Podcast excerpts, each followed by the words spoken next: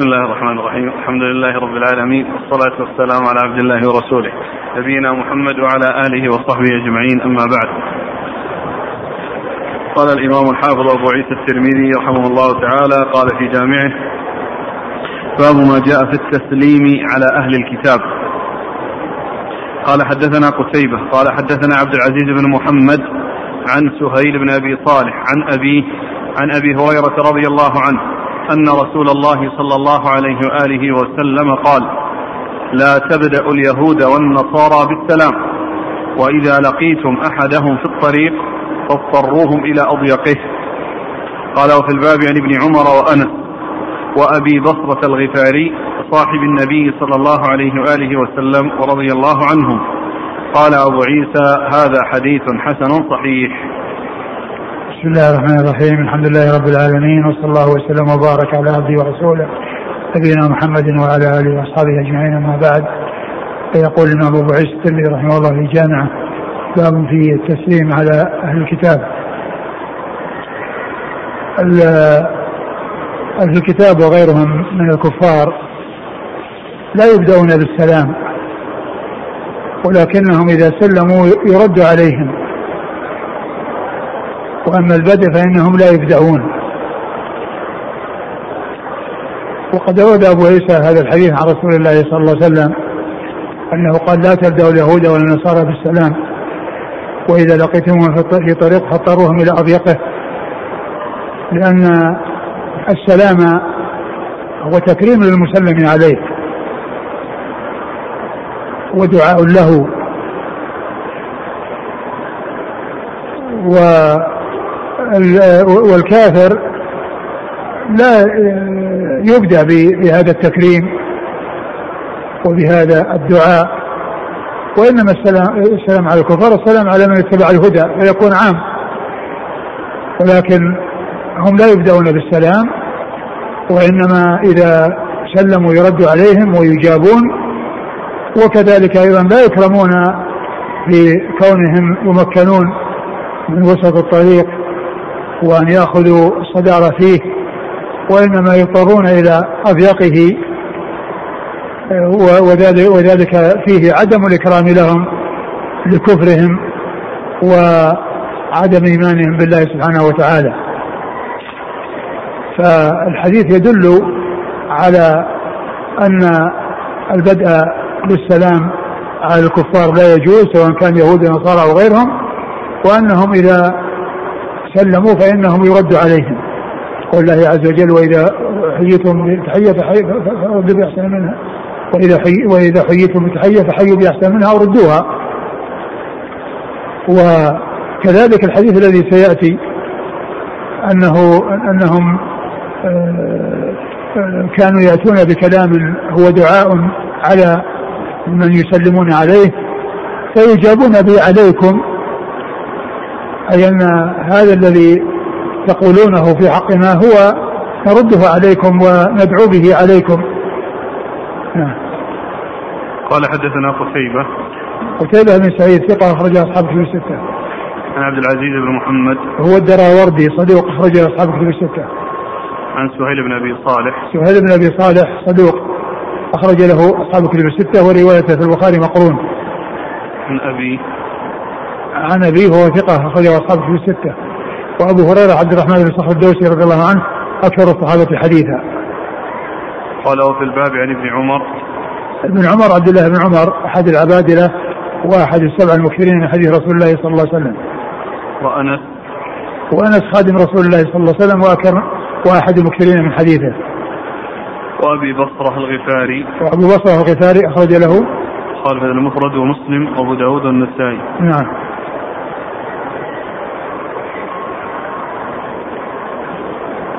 جاءت الأسئلة في البدء بغير السلام من تحيات أخرى كيف الحال؟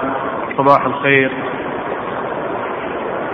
آه، آه، أقول مثل هذا يعني الأولى ألا يبدأوا ولكن يعني مثل هذا يعني لا يقال إنه من قبيل السلام الذي هو الدعاء ولكن كونه يسأل عن حاله هذا لا بأس به لكن كونه آه، يكون هو البادئ هو الأولى. يقول إذا كان البدء بالسلام ترغيبا في الإسلام ودعوة لهم. لا ما يسلم عليه.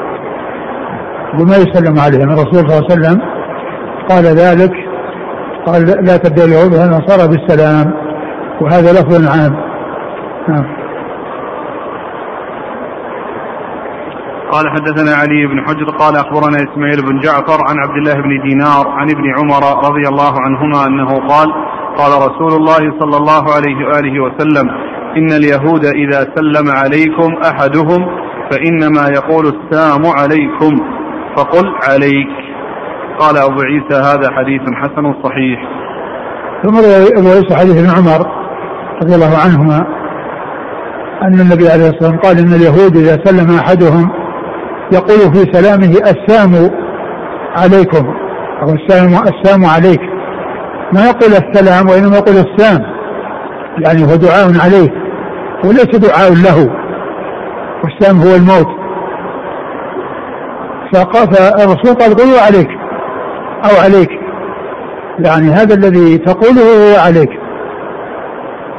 فيجاب بمثل ما أتى به لأنه قال السام عليك فيقال عليك. أي عليك السام نعم. قال حدثنا علي بن حجر. علي بن حجر بن إياس السعدي ثقة أخرجه مسلم البخاري ومسلم والترمذي والنسائي. إسماعيل بن جعفر. إسماعيل بن جعفر ثقة أخرج أصحاب كتب الستة. عن عبد الله بن دينار. عبد الله بن دينار ثقة أخرج أصحاب كتب الستة. عن ابن عمر. عن ابن عمر رضي الله عنهما مر ذكره وهذا من الأسانيد العالية عند الترمذي. فإنه من الرباعيات كيف يكون الرد على الكفار عموما غير أهل الكتاب؟ أبد إذا إذا سلموا يرد عليه يجاب يرد عليه أهل الكتاب وغيرهم. هل من يفرق بين من يقول إن إذا نطق اليهودي أو النصراني الكتاب فسمعت منه السلام عليكم؟ اتضحت منه الكلمة فإنك ترد عليه وعليكم السلام أما إذا كانت الكلمة غير واضحة موهمه هذا صحيح صحيح آه كذلك جاءت أسئلة بارك الله فيك عن أهل البدع خاصة ممن بدعهم كفرية ويخالطوننا فنحتاج التعامل معهم في الإدارات والمعاملات. اللي بدعهم كفرية لا يبدأون بالسلام. مثل مثل الكفار. من كان بدعه كفرية فإنه لا يبدأ بالسلام. إذا مد يده علي إذا مد يده يمد يده. وإذا سلم رد عليه. ولكن لا تبدأ بالسلام عليه ولا بمد يدك إليه.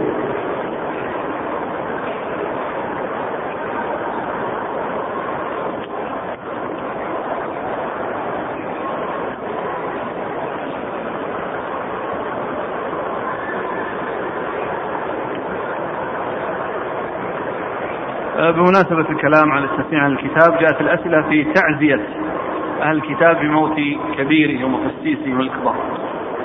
أبد لا يعزون.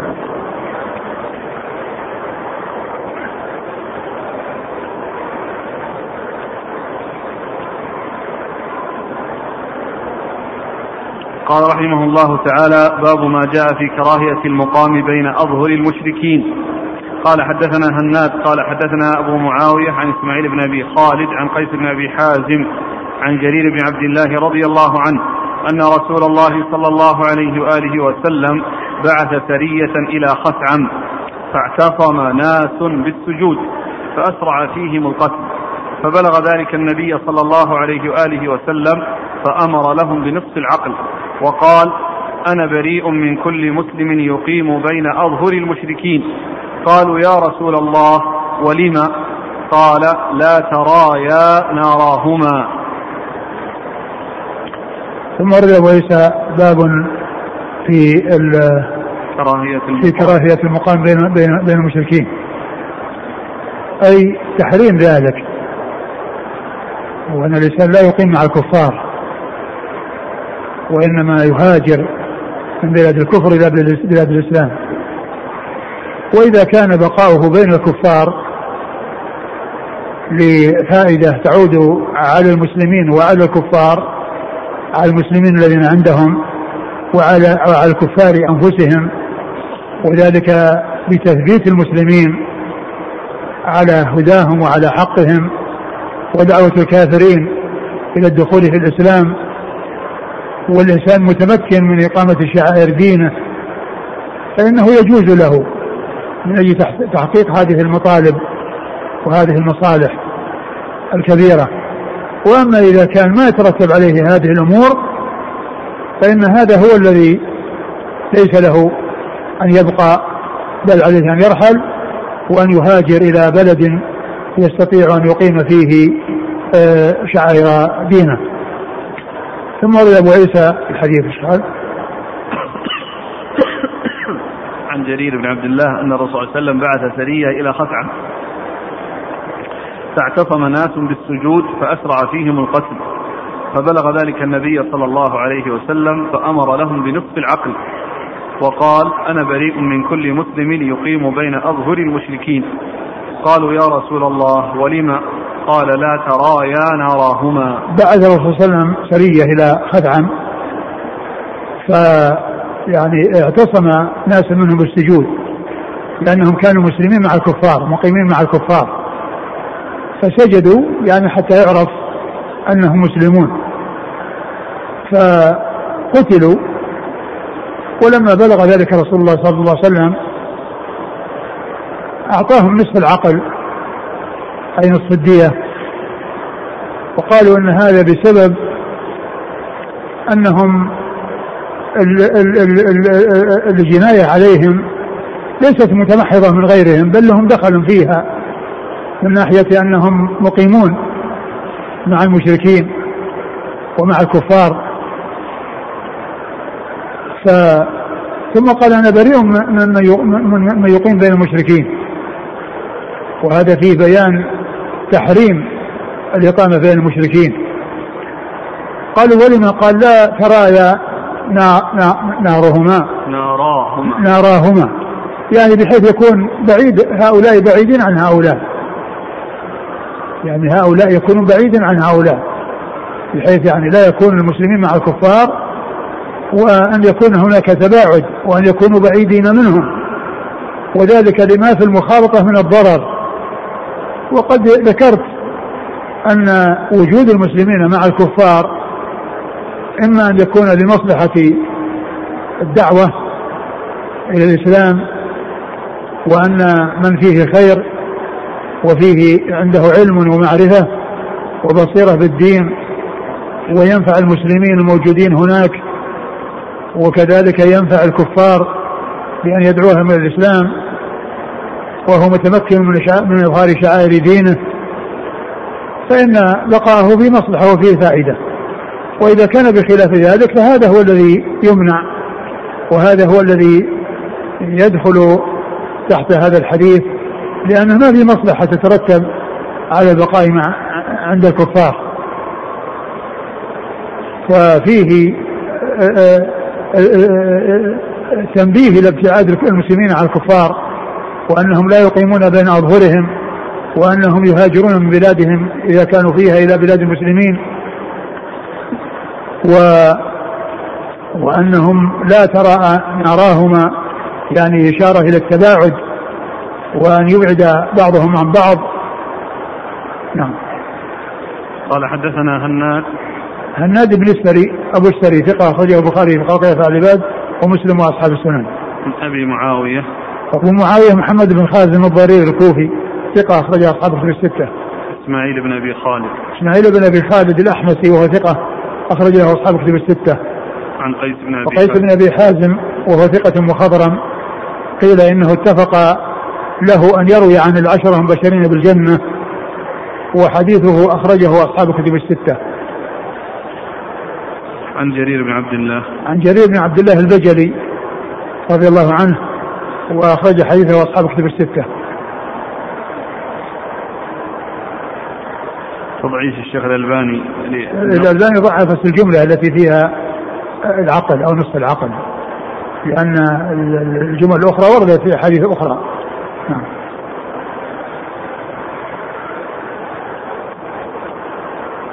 يدخل في هذا الحديث وأمثاله حتى من ذهب كما يزعم للسياحه في بلاد الكفر. والله السياحة يعني ما ينبغي للإنسان أن يذهب إلى الكفار يتجول في بلادهم بالسياحة يرى يعني ما يسوء وما ينكر من الشرك بالله ومن التحلل من الأخلاق الكريمة ومن التعري للنساء وما إلى ذلك فالإنسان يعني لا يذهب للسياحة لأن مثل هذه السياحة تضر ولا تنفع. وإنما الإنسان إذا سافر بضرورة أو كان سفره لمصلحة وفائدة تعود على المسلمين وعلى الكفار فهذا هو الذي لا بأس به. بشرط أن يكون متمكنا من إقامة شعائر دينه ولا يحصل منه إخلال بشيء من أمور دينه بل يفعلها كما يفعلها في بلاد المسلمين نعم.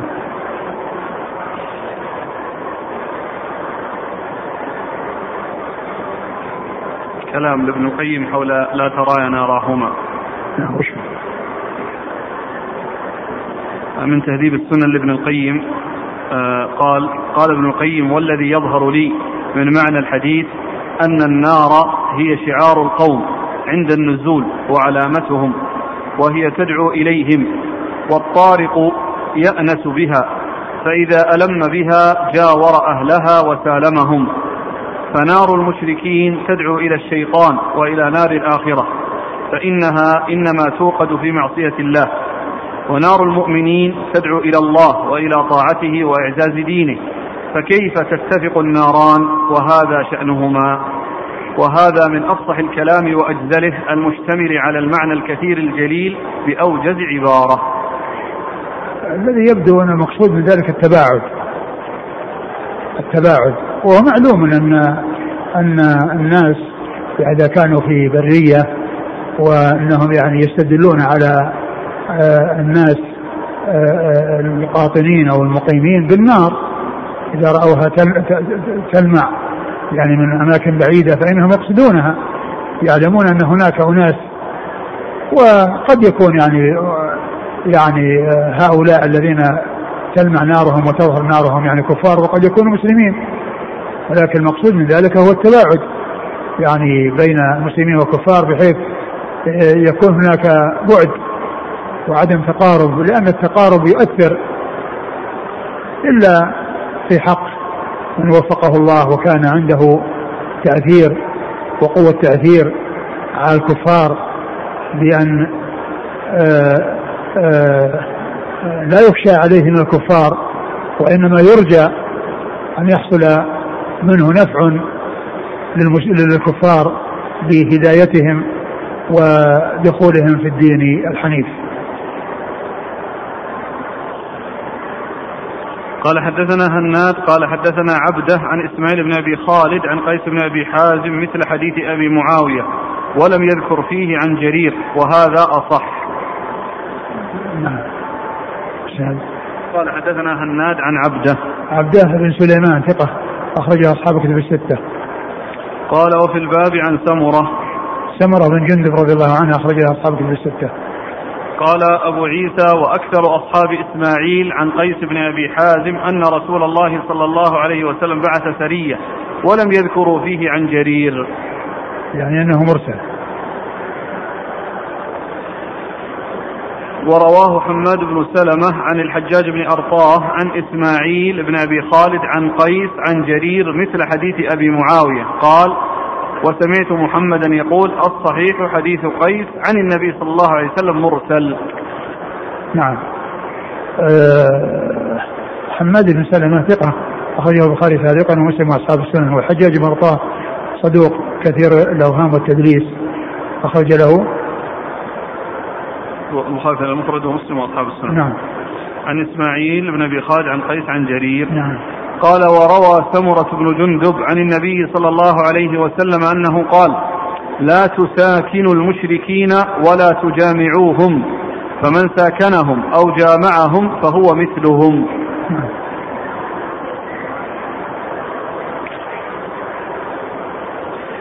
قال رحمه الله تعالى باب ما جاء في إخراج اليهود والنصارى من جزيرة العرب. قال حدثنا موسى بن عبد الرحمن الكندي. قال حدثنا زيد بن الحباب. قال أخبرنا سفيان الثوري عن أبي الزبير عن جابر رضي الله عنه عن عمر بن الخطاب رضي الله عنه أن رسول الله صلى الله عليه وآله وسلم قال لئن عشت إن شاء الله لأخرجن اليهود والنصارى من جزيرة العرب.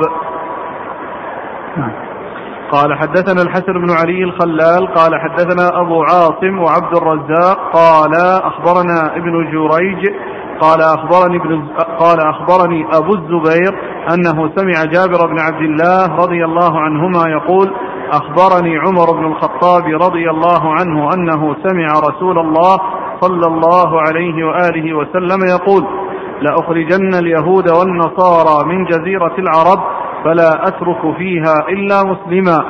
قال أبو عيسى هذا حديث حسن صحيح. ثم رد أبو عيسى رحمه الله ترجم باب إخراج اليهود والنصارى من جزيرة العرب. أي إخراج الكفار. لأنه جاء في بعض في بعض في بعض الروايات حتى لا داعي إلا مسلما حتى لا داعي إلا مسلما فخرج من ذلك جميع الكفار. وإذا كان اليهود والنصارى وهم أهل الكتاب يعني جاء إخراجهم فغيرهم من الوثنيين باب أولى.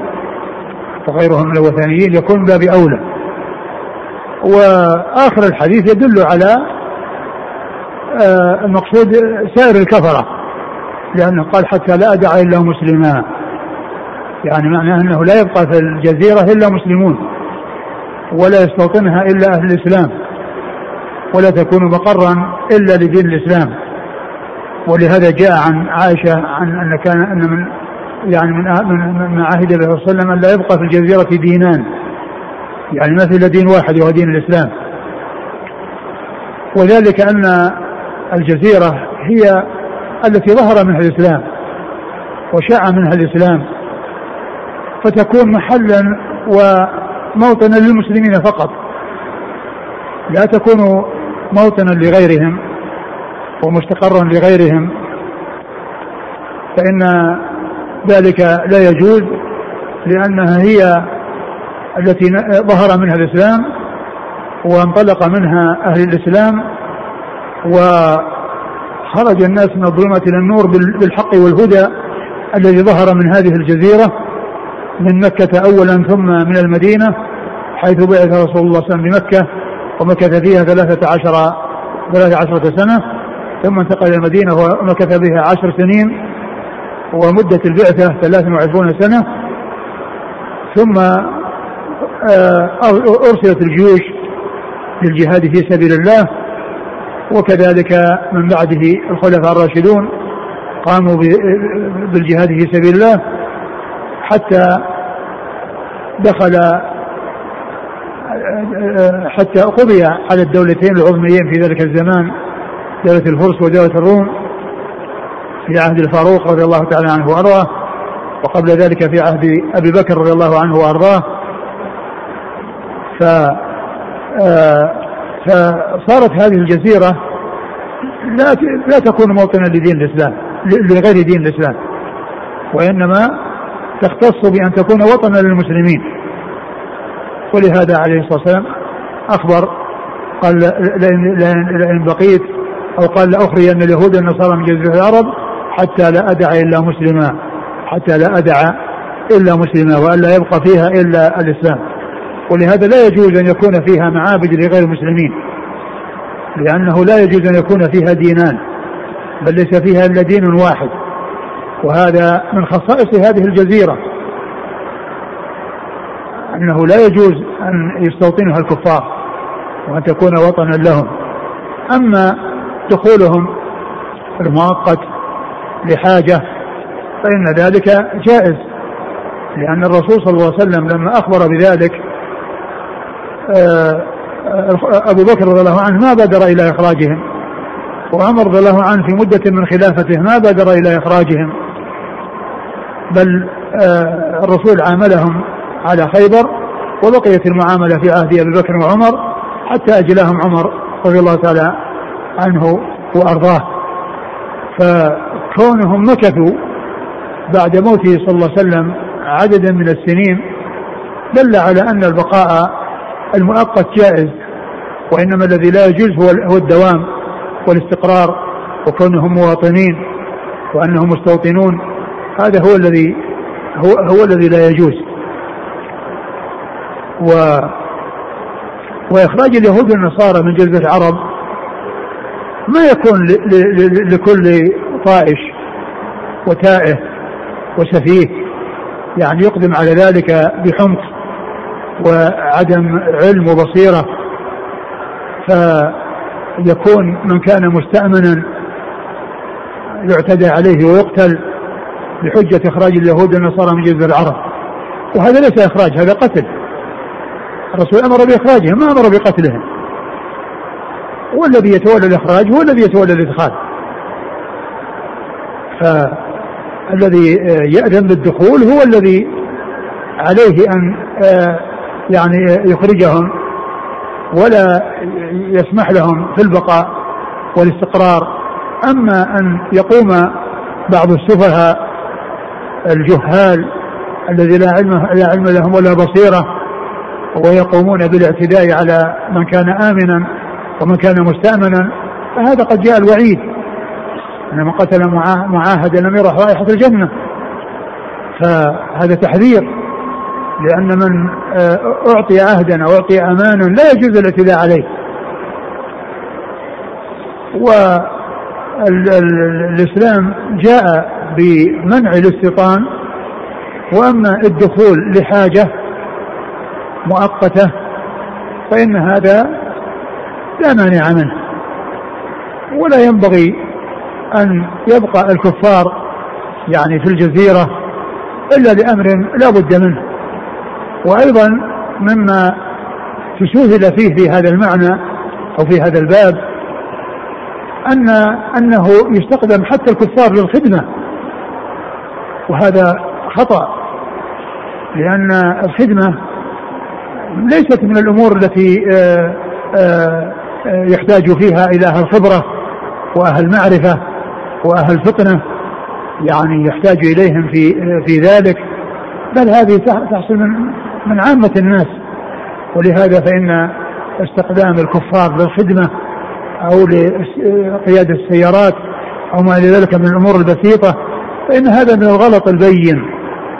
ويعني استخدام الكفار لهذا الغرض وهو أمر ليس من الأمور التي تدعو الحاجة إليها وكثرة من يقوم بها من المسلمين. الاستخدام ينبغي أن يكون مقصورا على المسلمين ما يكون مقصورا على الكفار. أما الأمور التي يحتاج إلى الكفار فيها وهي أمور آه، الأمر تدعو إليها والمصلحة يعني في آه، استخدامهم لمدة ثم يعودون فإن هذا لا بأس به. نعم. قال حدثنا موسى بن عبد الرحمن الكندي. موسى بن عبد الرحمن الكندي هو ثقة أخرجه الترمذي والنسائي بن ماجه. نعم. عن زيد بن الحباب. وهو صدوق يخطئ في حديث الثوري أخرجه البخاري في القراءة ومسلم وأصحاب السنن. نعم. عن سفيان الثوري. سفيان الثوري ثقة فقيه أخرجه أصحاب كتب الستة. عن أبي الزبير. أبو الزبير محمد بن مسلم بن تدرس المكي صدوق أخرجه أصحاب كتب الستة. عن جابر. جابر بن عبد الله رضي الله عنه أحد المكثرين من حديث رسول الله صلى الله عليه وسلم. عن عمر. عن عمر بن الخطاب رضي الله عنه أمير المؤمنين وثاني الخلفاء الراشدين الهادي المهديين صاحب المناقب الجمة والفضائل الكثيرة وحديثه عند أصحاب كتب الستة. قال صلى الله عليه وسلم لئن عشت إن شاء الله لأخرجن اليهود والنصارى من جزيرة العرب. وقد جاء في بعض الحديث لأخرجن اليهود. وفي بعضها أخرج اليهود. يعني جاء بروايات متعددة. يعني في زمن صلى الله عليه وسلم ما كانت الأمور متهيئة لإخراجهم؟ لا الرسول صلى الله عليه وسلم قال ذلك في آخر الأمر. قال في آخر الأمر لئن عشت لأخرجن. أو قال لأخرجن اليهود. أو قال في أخرج اليهود. كان هذا من آخر ما أوصى به صلى الله عليه وسلم. قال حدثنا الحسن بن علي الخلال. هو الحلواني وهو ثقة. أخرجه أصحاب كتب الستة إلى النسائي عن أبي عاصم أبو عاصم النبيل الضحاك بن مخلد وهو ثقة أخرجه أصحاب كتب الستة وعبد الرزاق عبد الرزاق بن همام الصنعاني اليماني ثقة أخرجه أصحاب كتب الستة عن ابن جريج بن جريج عبد الملك بن عبد العزيز بن جريج المكي ثقة أخرجه أصحاب كتب الستة. عن أبي الزبير عن جابر عن عمر. نعم. جاءت أسئلة في آه، بيان معنى جزيرة العرب حدودها هل المراد بها الآن جغرافيا أو؟ والله فيها كلام كثير للعلماء يعني في تحديدها منهم من أدخل اليمن ومنهم من أخرجها ويعني ولكن آه، كون مكة والمدينة واليمامة وكذلك يعني يعني نجد الذي هو آه، يعني جهة الطائف وما وراءه. كل هذا لا شك أنه من من الجزيرة. وفي بعضها خلاف مثل اليمن. يعني آه، في خلاف يعني هل هو من الجزيرة أو ليس من الجزيرة؟ نعم. لكن ولكن من الخير أن يكون الكفار بعيدين عن الجزيرة بأكملها. بل عن بلاد المسلمين جميعها. نعم. قال رحمه الله تعالى باب ما جاء في تركة رسول الله صلى الله عليه وآله وسلم. قال حدثنا محمد بن المثنى قال حدثنا أبو الوليد قال حدثنا حماد بن سلمة عن عم عن محمد بن عمرو عن أبي هريرة. يعني فيه آه، أبو سلمة. عن محمد بن عمرو عن أبي سلمة عن أبي هريرة رضي الله عنه أنه قال جاءت فاطمة رضي الله عنها إلى أبي بكر رضي الله عنه فقالت من يرثك؟ قال أهلي وولدي. قالت فما لي لا أرث أبي. فقال أبو بكر سمعت رسول الله صلى الله عليه وآله وسلم يقول لا نورث. ولكني أعول من كان رسول الله صلى الله عليه وآله وسلم يعوله وأنفق على من كان رسول الله صلى الله عليه وآله وسلم ينفق عليه. قال أبو عيسى وفي الباب عن عمر وطلحة والزبير وعبد الرحمن بن عوف وسعد وعائشة رضي الله عنهم أجمعين. وحديث أبي هريرة حديث حسن غريب من هذا الوجه. إنما أسنده حماد بن سلمة وعبد الوهاب بن عطاء عن محمد بن عمرو عن أبي سلمة عن أبي هريرة. وسألت محمدا عن هذا الحديث فقال لا أعلم أحدا رواه عن محمد بن عمرو عن أبي سلمة عن أبي هريرة إلا حماد بن سلمة. وروى عبد الوهاب بن عطاء عن محمد بن عمرو عن أبي سلمة وعن أبي هريرة. الواو. عن إيش؟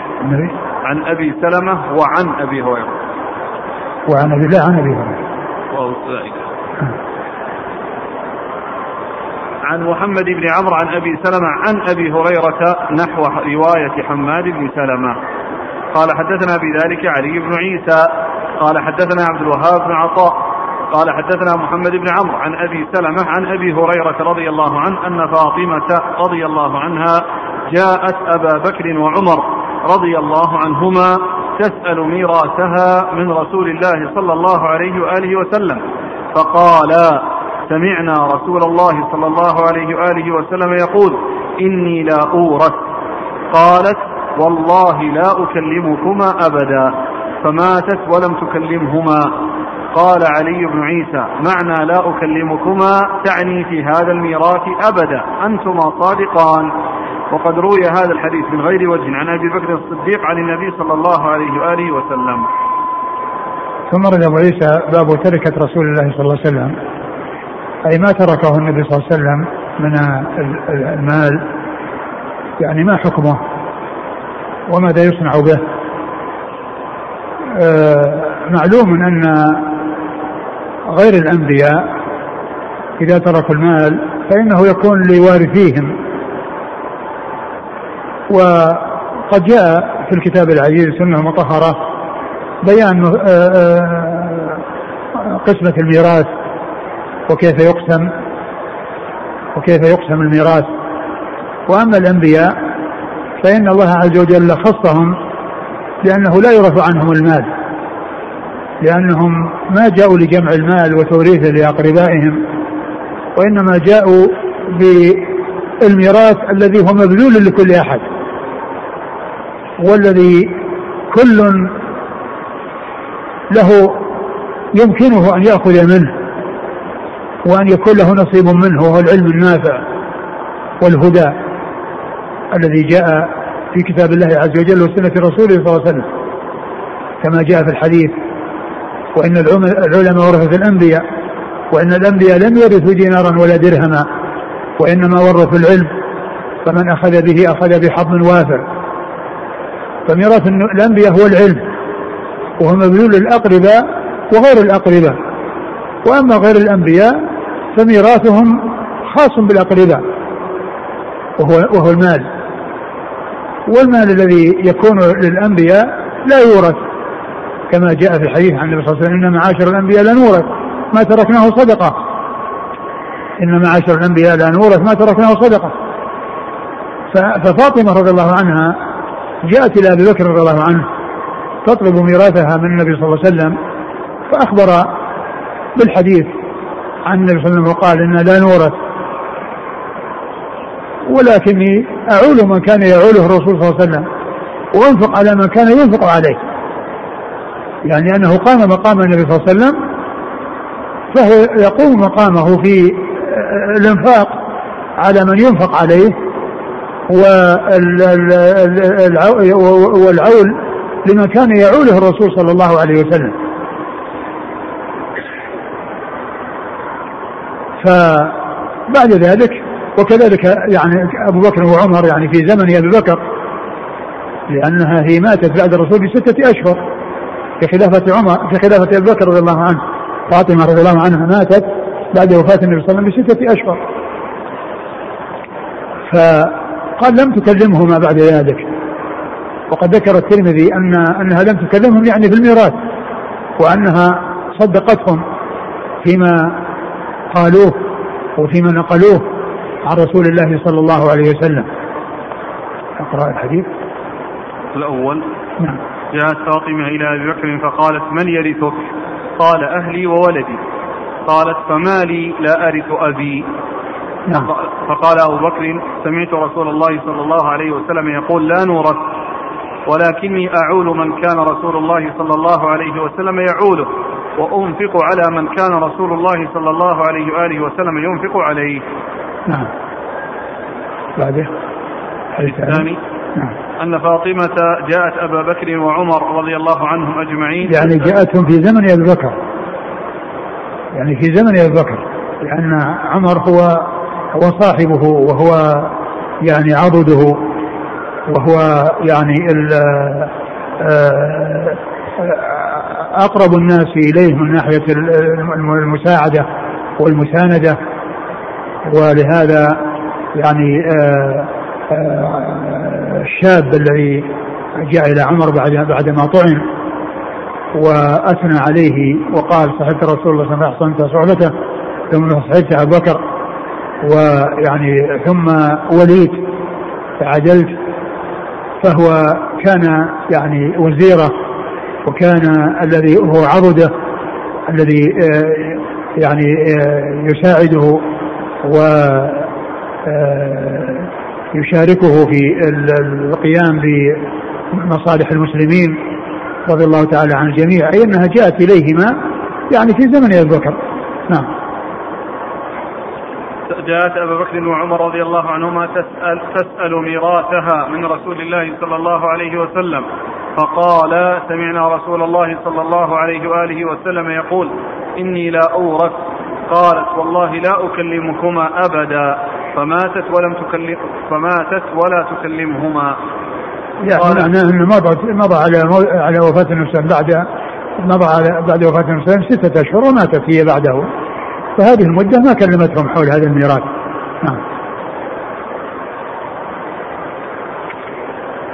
قال حدثنا محمد بن المثنى محمد المثنى أبو موسى العنزي الملقب الزمن ثقة أخرجه أصحاب كتب الستة وهو شيخ لأصحاب كتب الستة.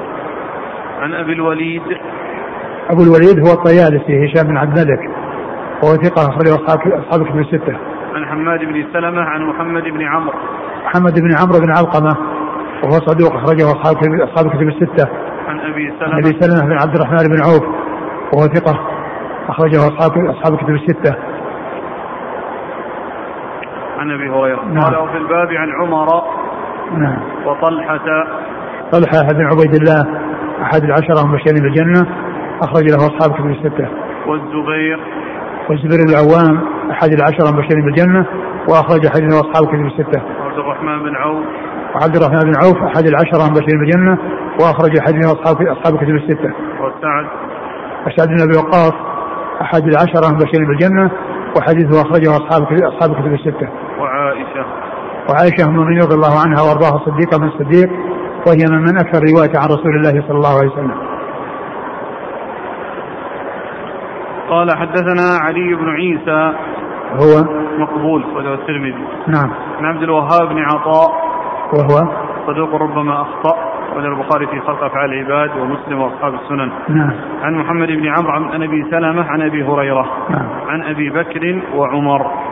أبو بكر هو عبد الله بن عثمان رضي الله تعالى عنهما وهو مشهور بكنيته أبو بكر واسمه عبد الله واسم أبيه عثمان ولكنه غير مشهور باسمه ونسبته وإنما هو مشهور بكنيته. أبو بكر و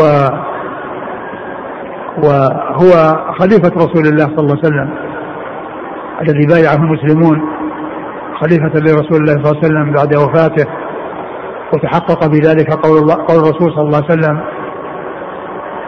لما قال لعائشة ادعي لي أباك وأخاك كما في صحيح البخاري لأكتب كتابا فإني أخشى أن يتمنى متمن أو يقول قائل أنا أولى ويأبى الله والمؤمنون إلا أبا بكر. وقد أبى الله إلا أبا بكر وأبى المؤمنون إلا أبا بكر وكان وكانت بيعة أبي بكر رضي الله عنه باختيار من المسلمين والتقت قلوبهم عليه واتفقت كلمتهم على بيعته رضي الله تعالى عنه وأرضاه وتحقق بذلك ما أخبر به الصادق المصدوق صلى الله عليه وسلم بقوله ويأبى الله والمؤمنون إلا أبا بكر. والرسول صلى الله عليه وسلم لم يعين خليفة من بعده لما علمه ولما أطلع عليه من أن المسلمين سيلتقون على خيرهم وستجتمع كلمتهم على أفضلهم كما جاء في هذا الحديث الصحيح عن رسول الله صلى الله عليه وسلم أنه قال ويأبى الله والمؤمنون إلا أبا بكر فقد أبى الله إلا أبا بكر وأبى المؤمنون إلا أبا بكر وتمت بيعة أبي بكر رضي الله عنه وقيل له خليفة رسول الله صلى الله عليه وسلم. وحديثه عند أصحاب الكتب الستة.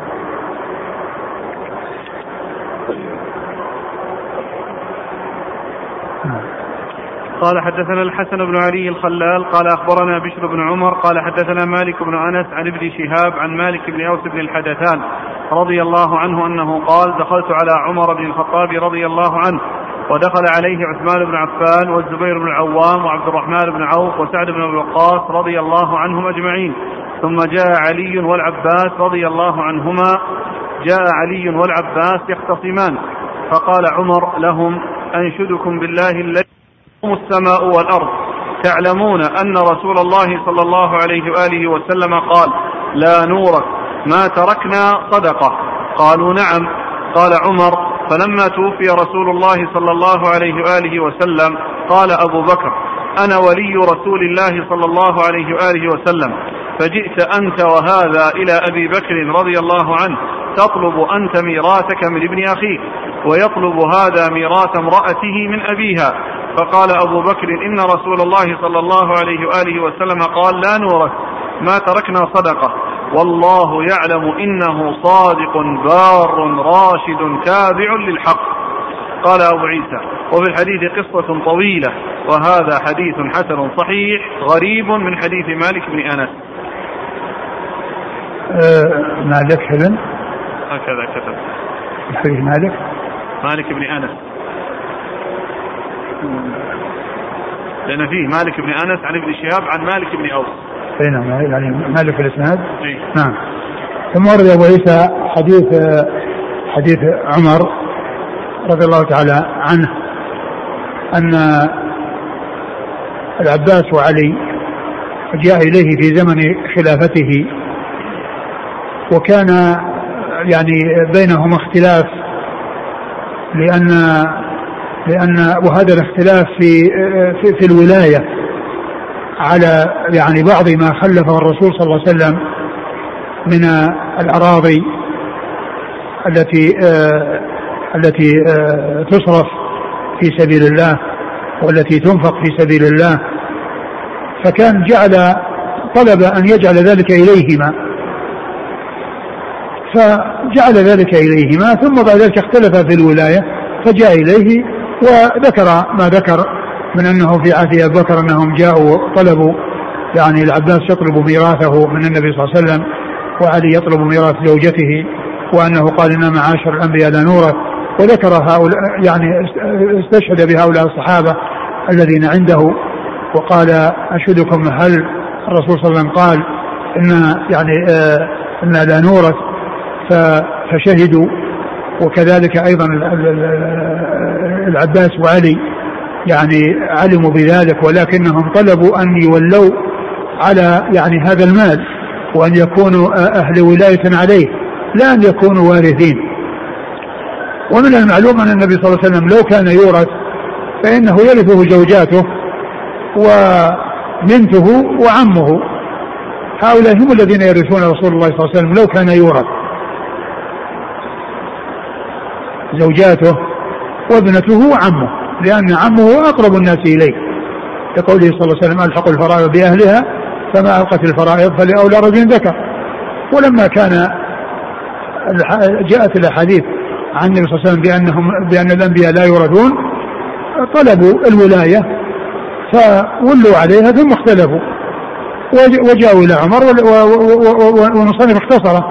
وقال إن فيه قصة طويلة يعني جاءت في جاءت يعني في في الصحيحين يعني مطولة والترمذي رحمه الله اختصر وأشار إلى يعني أولها وترك باقيها أي باقي هذه القصة التي حصلت يعني في لما جرى بين علي والعباس رضي الله تعالى عنهما.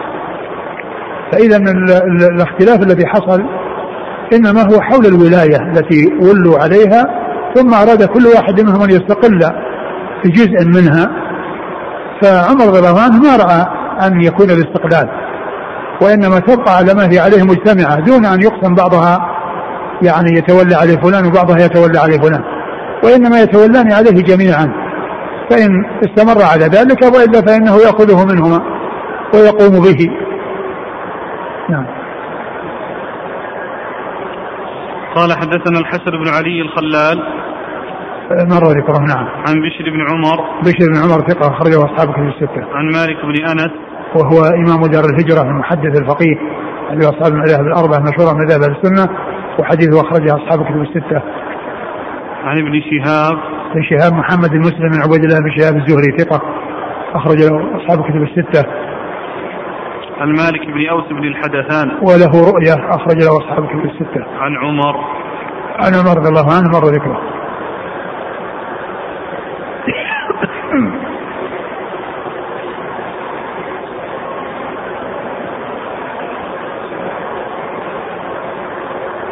قال رحمه الله تعالى باب ما جاء ما قال النبي صلى الله عليه وآله وسلم يوم فتح مكة.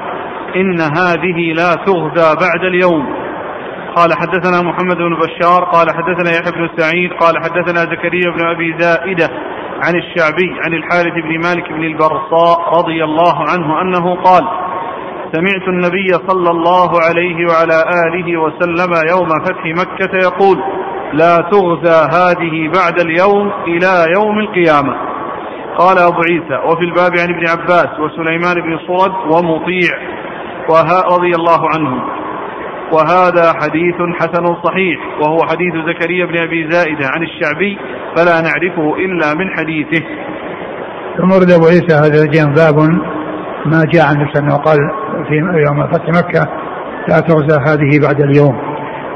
يعني أن أنها صارت دار إسلام وأنها تستمر دار إسلام وتبقى دار إسلام. ولهذا قال النبي صلى الله عليه وسلم لا هجرة بعد الفتح ولكن جهاد ونية.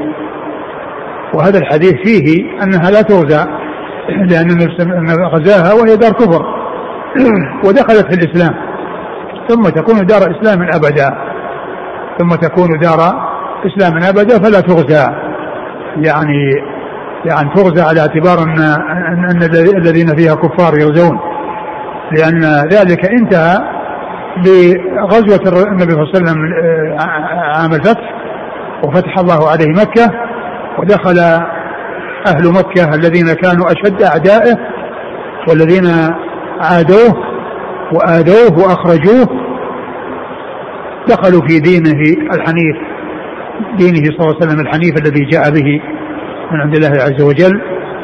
فصارت دار إسلام أبدا فهي لا تغزى بعد اليوم على أساس أنها دار كفر. ولا فإنها لا تكون دار كفر بل تبقى دار إسلام إلى يوم القيامة. وهذا إخبار من الصادق المخلوق صلى الله عليه وسلم ببقائها كذلك. وأنها تستمر كذلك. وأنها تكون دار إسلام.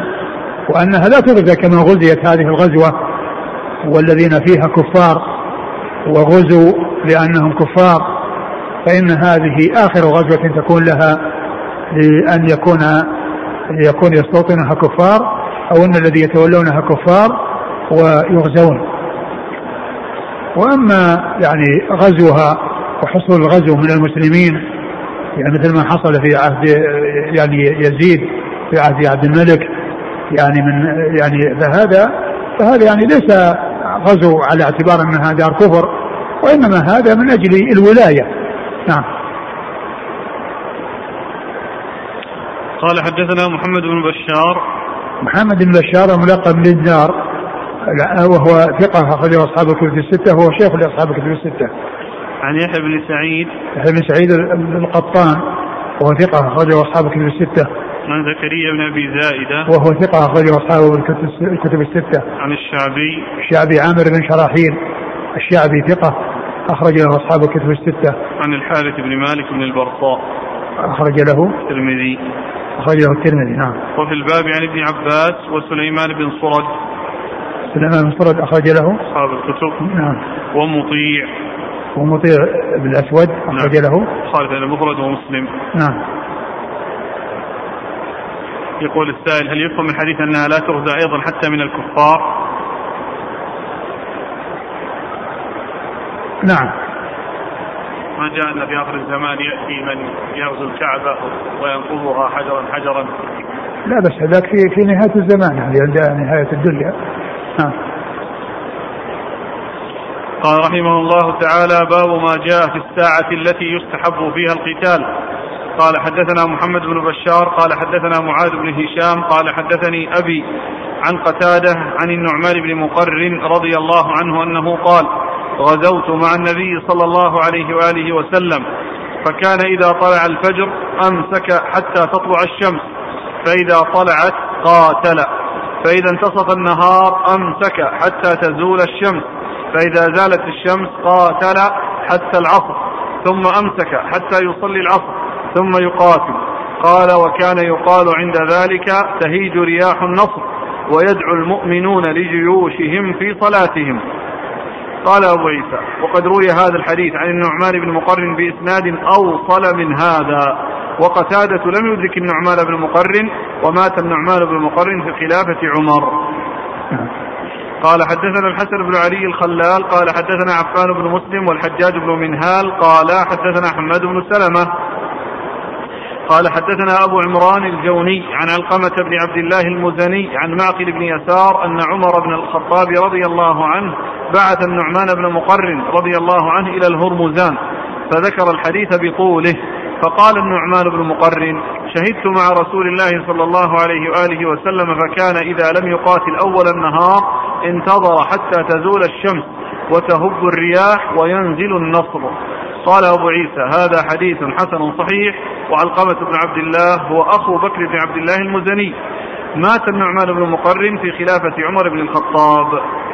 ثم أبو عيسى أورد أبو عيسى ترجم بابه في الساعة التي يكون فيها. يستحب فيها القتال. التي يستحب فيها القتال. يعني من النهار. وهي أنها تكون إما في أول النهار أو بعد الزوال. وقد أورد أبو عيسى حديثين عن نعمان مقرن. أولهما فيه انقطاع لأن قتادة لم يدرك النعمان بن مقرن وهو منقطع. والحديث الثاني هو متصل وفيه أنه إذا لم أن النبي صلى الله عليه وسلم إذا لم يعني آه، إذا لم إذا لم يقاتل أول إذا لم يقاتل النهار انتظر حتى تزول الشمس وتهب الرياح ثم إنه يقاتل. فهذا فيه بيان آه، الوقت المشروع. للمقاتلة الذي كان يفعله الرسول صلى الله عليه وسلم وهو أنه إما في أول الصباح أو بعد الزوال أو يكون ذلك بعد الزوال. نعم. قال حدثنا محمد بن بشار عن معاذ بن هشام. معاذ بن هشام آه، ثقة أخرجه أصحاب أصحاب الكتب الستة. صدوق ربما نعم. صدوق ربما صدوق ربما أخرجه أصحاب الكتب الستة. عن أبيه. أبوه هشام الدستوائي ثقة. أخرجه أصحاب الكتب الستة. عن قتادة. قتادة بن دعامة السدوسي البصري ثقة أخرجه أصحاب الكتب الستة. عن النعمان بن مقرن. النعمان بن مقرن رضي الله عنه أخرج له أصحاب الكتب الستة. قال حدثنا حسن بن علي الخلال عن عفان بن مسلم. عباد. عفان. عفان بن مسلم الصفار ثقة. أخرج له أصحاب الكتب الستة. والحجاج بن منهال. والحجاج بن منهال ثقة أخرجه أصحاب الكتب الستة. عن حماد بن سلمة عن أبي عمران الجوني. أبو عمران الجوني هو ثقة أخرجه أصحاب الكتب. نعم. عن علقمة بن عبد الله المزني. وهو ثقة أخرجه أصحاب السنن. نعم. عن معقل بن يسار. معقل بن يسار رضي الله عنه أخرج له أصحاب الكتب الستة. عن النعمان بن مقرن. نعم. قال مات النعمان بن مقرن في خلافة عمر بن الخطاب. نعم لأنه استشهد في إحدى غزوات الفرس الذي كان كان أميرا على الجيش وكان استشهد في في إحدى الغزوات في عهد عمر رضي الله عنه. نعم. قال رحمه الله تعالى باب ما جاء في الطيرة. قال والله تعالى أعلم وصلى الله وسلم وبارك على نبينا محمد وعلى آله وأصحابه أجمعين. جزاكم الله خيرا وبارك الله فيكم ونفعنا الله بما سمعنا وغفر الله لنا ولكم وللمسلمين أجمعين. آمين.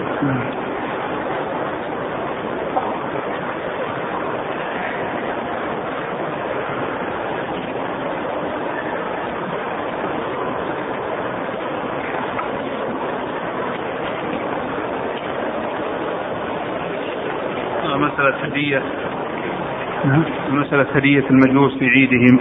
نعم. الأخ عبد الرحمن بحث فيها. نعم. بسم الله. يقول هذا من عندك العنوان طيب.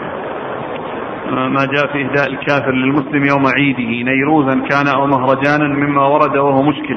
من كلام شيخ الإسلام ابن تيمية في كتاب اقتضاء الصراط المستقيم قال شيخ الإسلام رحمه الله فيما هو نصه.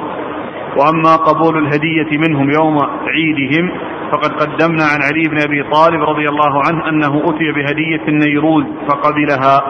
وروى ابن أبي شيبة في المصنف قال حدثنا جرير عن قابوس عن أبيه أن امرأة سألت عائشة رضي الله عنها قالت إن لنا أضآرا من المجوس وإنه يكون لهم العيد فيهدون لنا. قالت أما ما ذبح لذلك اليوم فلا تأكلوا ولكن كلوا من أشجارهم.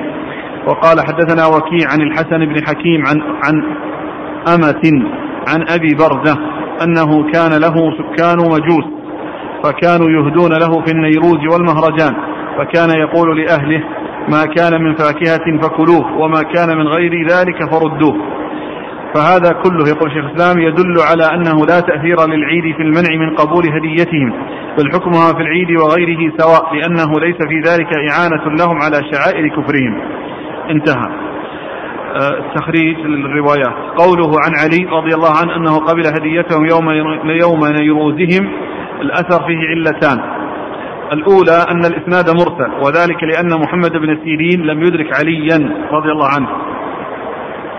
بل كان عمره حين موت أمير المؤمنين سبع سنين.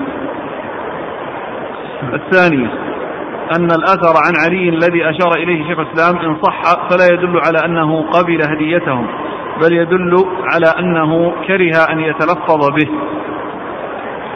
كره؟ أن يتلفظ به. ليش؟ يعني حيث قال شيخ الإسلام في الاقتضاء بالإسناد إلى أبي أسامة عن حماد بن زيد عن هشام عن, آه، عن محمد بن سيرين قال أتي علي رضي الله عنه أتى علي رضي الله عنه النيروز فقال ما هذا؟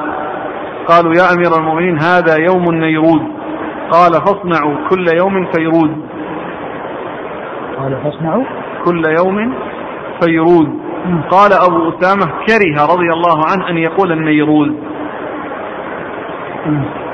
قال البيهقي وفي هذا كالكراهة لتخصيص يوم بذلك لم يجعله الشرع مخصوصا به.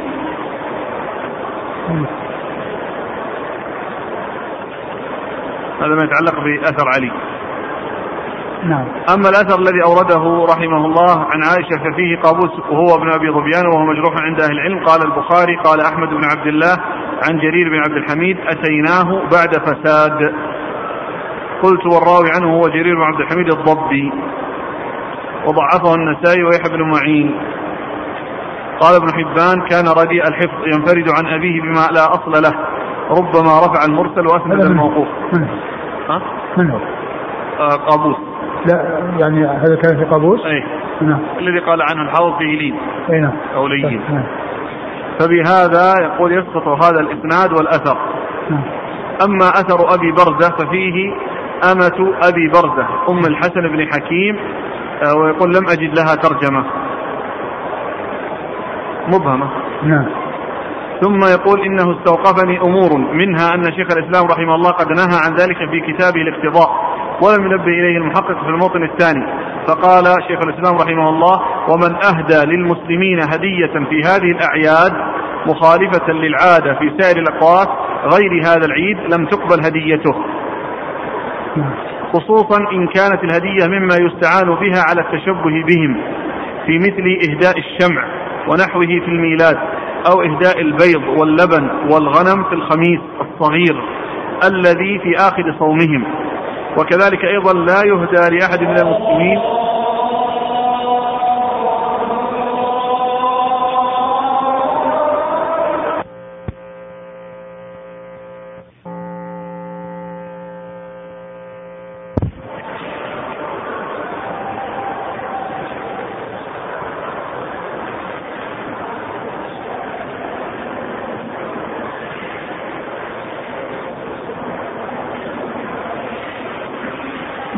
هذا الكلام هذا الأخير. شيخ الإسلام. قال شيخ الإسلام في موطن من الاقتضاء قال ومن أهدى للمسلمين هدية. هذا أيهما المتقدم؟ هذا الأول. يعني هذا الذي المنع من قبول الهدية هو الأول. نعم. ومن أهدى للمسلمين هدية في هذه الأعياد مخالفة للعادة. في سائر الأوقات غير هذا العيد. لم تقبل هديته خصوصا إن كانت الهدية مما يستعان بها على التشبه بهم في مثل إهداء الشمع ونحوه في الميلاد أو إهداء البيض واللبن والغنم في الخميس الصغير الذي في آخر صومهم. وكذلك أيضا لا يهدى لأحد من المسلمين في هذه الأعياد هدية لأجل العيد لا سيما إذا كان مما يستعان بها على التشبه بهم كما ذكرناه.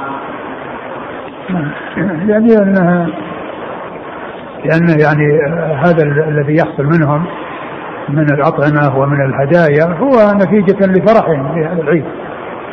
فكون المسلمين يأخذون منهم يعني معناه أنهم يعني مشاركون لهم في الفرح أو أنهم مقرون لهم على هذا الفرح. فلا شك أن القول بعدم قبول الهدايا هو هو الواضح الجلي. وهذا نقل عن ابن القيم رحمه الله في أحكام أهل الذمة. ينقل كلاما عن عمر بن عبد العزيز رحمه الله. قال ابن القيم حدثنا في كلام الله حدثنا عبد الرحمن بن مهدي عن محمد بن طلحة عن داود بن سليمان الجعفي قال كتب عمر بن عبد العزيز إلى عبد الحميد بن عبد الرحمن سلام عليك. أما بعد فإن أهل الكوفة قد أصابهم بلاء وشدة وجور في أحكام وسنن خبيثة سنتها عليهم عمال السوء وإن أقوم الدين العدل والإحسان. وإيش؟ هكذا. من وإن أقوم الدين العدل والإحسان. فلا يكونن شيء أهم إليك من نفسك أن توطنها الطاعة لله عز وجل. فإنه لا قليل من الإثم.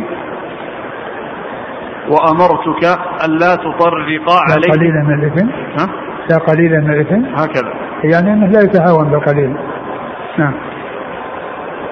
وأمرتك ألا تطرق عليهم أرضهم. ألا تفرق. تطرق. في؟ تطرق. تطرق بالطاء؟ نعم. نعم. وألا تحمل تحمل خرابا على عامر ولا عامرا على خراب. ولا تأخذ من الخراب إلا ما يطيق ولا من العامر إلا وظيفة الخراج. في رفق وتسكين لأهل الأرض وأمرتك ألا تأخذ في الخراج إلا وزن سبعة ليس لها آس. ولا أجور الضرابين ولا إذابة الفضة ولا هدية النيروز والمهرجان. ولا هذا الشاهد ولا هدية النيروز والمهرجان. نعم ولا ثمن المصحف ولا أجور البيوت ولا دراهم النكاح ولا خراج على من أسلم من أهل الأرض. فاتبع في ذلك أمري فقد وليتك في ذلك ما ولاني فقد وليتك في ذلك ما ولاني الله. ولا تعجل دوني بقطع ولا صلب حتى تراجعني فيه. وانظر من أراد من الذرية الحج فعجل له مئة يتجهز بها. والسلام عليك. قال ابن النحاس رحمه الله واعلم أن أقبح البدع وأشنعها موافقة المسلمين للنصارى في أعيادهم بالتشبه بهم في مأكلهم وأفعالهم والهدية إليهم وقبول ما يهدونه من مأكلهم في أعيادهم. وقد عانى هذه البدعة أهل بلاد مصر. وفي ذلك من الوهن في الدين وتكثير سواد النصارى والتشبه بهم ما لا يخفى. وقد تكون المهاداة وقد تكون المهاداة في الأعياد سبب للتآلف بينهم وبين ما يهدون إليه من المسلمين وتربية المودة والمحبة. وقد قال تعالى لا تجد قوما يؤمنون بالله واليوم الآخر يؤدون من حاد الله ورسوله ولو كانوا آباءهم أو أبناءهم أو إخوانهم وعشيرتهم. فالواجب على كل قادر أن ينكر على أهل الذمة التظاهر بأعيادهم ومواسمهم ويمنع من أراد من المسلمين التشبه بهم في شيء من أفعالهم ومأكلهم وملابسهم ومخالطتهم فيها. ومن يضلل الله فلا هادي له وهو على كل شيء قدير. تنبيه الغافلين. هذا أهل الذمة تنبيه الغافلين لابن النحاس. هذا الأخير. الأول من أحكام الذمة قال ابن النحاس في كتاب تنبيه الغافلين. نعم. كل كلام جيد. هذا الأخ يقول آه، عنده سؤال أشكل عليه حيث سمع في شريط للشيخ الألباني غفر الله له يقول إن الصنعاني والشوكاني قال إنهم من الزيدية فهم ليسوا من أهل السنة. هل هذا الكلام صواب؟ ما أدري. أولا ما أدري صحة آه، الشريط. أقول هذا أيضا يعني يحتاج إلى إلى ثبوت. كونهم يعني يعني كونهم من أهل السنة هم من أهل السنة بلا شك. ولكن كونهم في الأصل درسوا مذهب الزيدية ويعني عرفوه ولهذا ينقلون عنه. هذا يعني ليس ببعيد. ولكن يعني آه، كتبهم مؤلفاتهم واضحة بأنهم من أهل السنة وليسوا من, من, من, من الزيدية. ولكن كونهم درسوا مذهب الزيدية ويحكون يعني آه، أقوالهم وهذا يعني لا يدل على أنهم يعني مثل ما مثل ما يحكي بعض العلماء كلام الظاهرية وغيرهم يعني. وأما كونهم زيدية وأنهم ليسوا من أهل السنة هذا كلام غير صحيح. هم من أهل السنة. وما أظن يعني الكلام نسبة الشيخ نسبة هذا الشخص اللباني تكون صحيحة. لا أدري. لكن إن كان هذا يعني صحيح فإن هذا محمول على أول الأمر أما في آخر الأمر فيعني مؤلفاتهم وكتبهم واضحة بأنهم من أهل السنة وهم من علماء السنة. هذا هذه أحاديث في منشور ومنها التعوذ من سوء المنام. فيه شكى خالد بن الوليد رضي الله عنه إلى رسول الله صلى الله عليه وآله وسلم أهاويل. يعني في أهاويل يراها بالليل. نعم. حالت بينه وبين صلاة الليل. فعلمه رسول الله صلى الله عليه وسلم هذا الدعاء. فذهب ما كان يجد. نعم.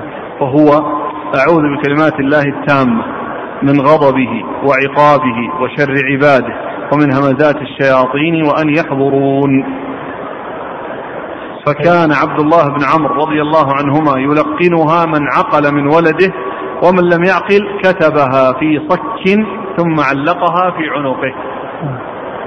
لأجل حرز سير. طيب هذا الكلام فين هذا؟ منشور هذا؟ ورقة. هذا كثرت أقول هذه هيان بن بيان.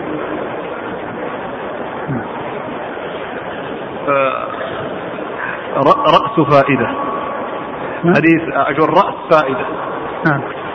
كان إذا غزا لم يقاتل أول النهار ولم يعجل حتى تحضر الصلوات وتهب الأرواح ويطيب القتال. هذا الحديث صححه الشيخ الألباني في السلسلة. إيش كان إذا غزا فلم يقاتل أول النهار لم يعجل حتى تحضر الصلوات وتهب الأرواح طيب. ويطيب القتال.